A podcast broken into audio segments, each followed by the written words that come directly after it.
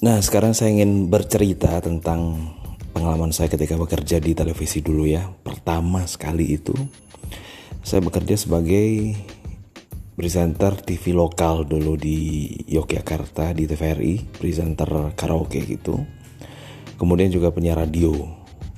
Jadi memang dua hal ini yang menjadi basic saya untuk kemudian bisa berkarya ke Jakarta ya untuk bisa uh, bekerja di televisi nasional. Dulu salah satu impian saya untuk bisa bekerja di televisi nasional. Maklum ya kalau orang daerah lihat Jakarta saat itu agak-agak terpesona gitu.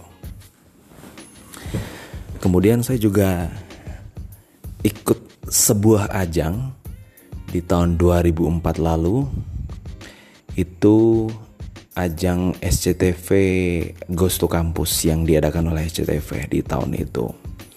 Pada saat itu saya memperoleh juara satu se Yogyakarta dan pada saat, saat itu uh, saya dapat hadiah motor seharga 12 juta ya di tahun 2004 itu. Nah, itu merupakan satu step awal buat saya yakin untuk bisa bekerja di dunia televisi.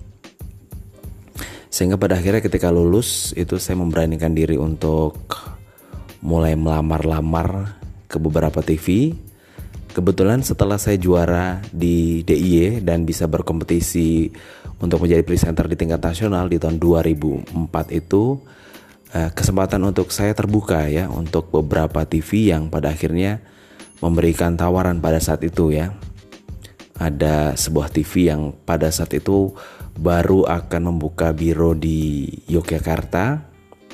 Itu menelepon saya juga untuk bisa join tapi pada saat itu memang saya pengen pindah nih dari Yogyakarta ke Jakarta. Jadi saya uh, melamar salah satu TV yang uh, dia nantinya jika diterima akan uh, bekerja di Jakarta yaitu Trans TV pada saat itu di tahun 2005.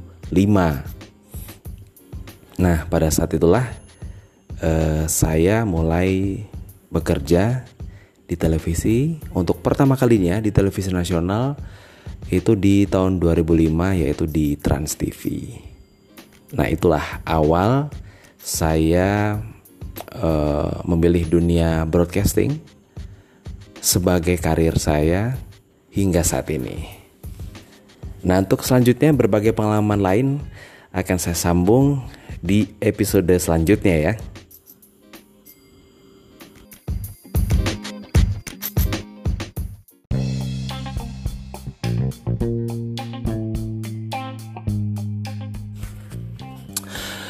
Hai, halo, jumpa lagi di episode ketiga podcast saya, Dedi Zebua. Dan kali ini saya ingin lanjut cerita mengenai bagaimana sih bekerja di stasiun televisi ya. Saya memulai karir di dunia televisi itu di tahun 2005. Itu saya masuk uh, salah satu TV swasta nasional dan berlanjut sampai sekarang ya. Kurang lebih saya sudah uh, hampir uh, 14 tahun ya kurang lebih bekerja di dunia televisi dan memang uh, sempat berpindah di empat stasiun televisi. Jadi saya sudah bekerja di uh, stasiun televisi keempat sepanjang karir saya yang sekarang ini gitu. Nah apa pengalaman yang didapatkan ketika bekerja di TV banyak ya karena basically saya bukan lulusan broadcast uh, waktu itu saya sarjana ekonomi tapi kemudian TV pertama saya ini memberikan banyak kesempatan saya untuk belajar mengenai broadcasting dari awal sekali.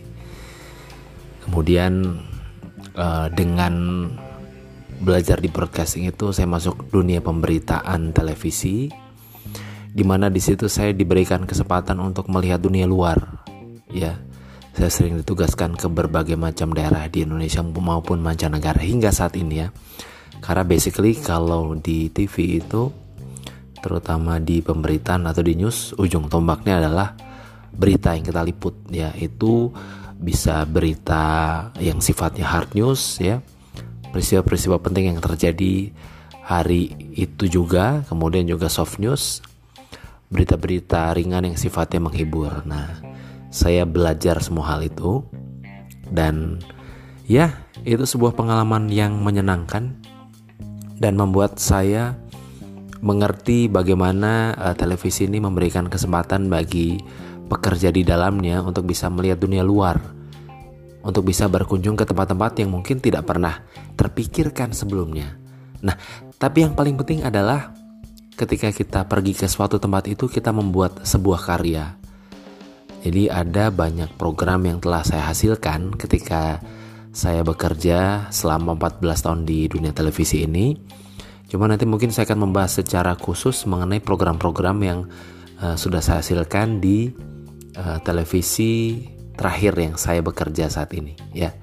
Saya pindah di televisi ini tahun 2016 hingga sekarang tahun 2019 sudah tiga tahun kurang lebih dan di situ saya memegang beberapa program yang memberikan saya kesempatan untuk bisa melihat hal-hal yang indah di luar sana.